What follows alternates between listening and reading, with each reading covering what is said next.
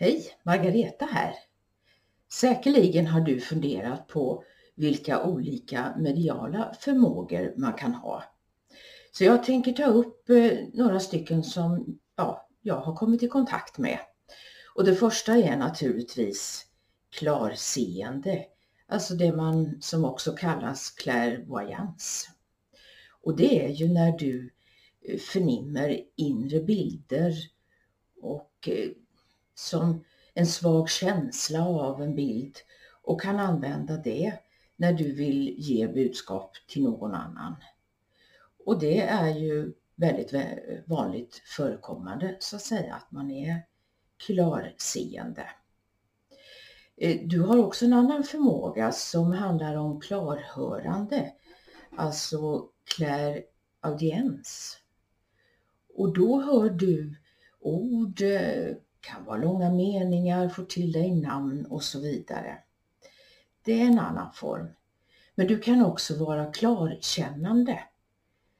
Eh, du känner känslor eh, och sådana saker och eh, då är du clairsentiens.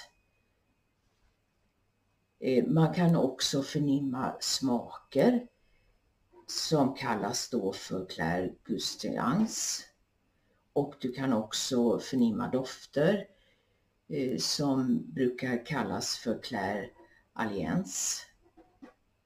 Och sist men inte minst så handlar det om klarvetande, alltså clairknowingness. Och mm, det här är ju en förmåga som många har. Alltså man känner på sig saker och ting och man bara vet att så här är det.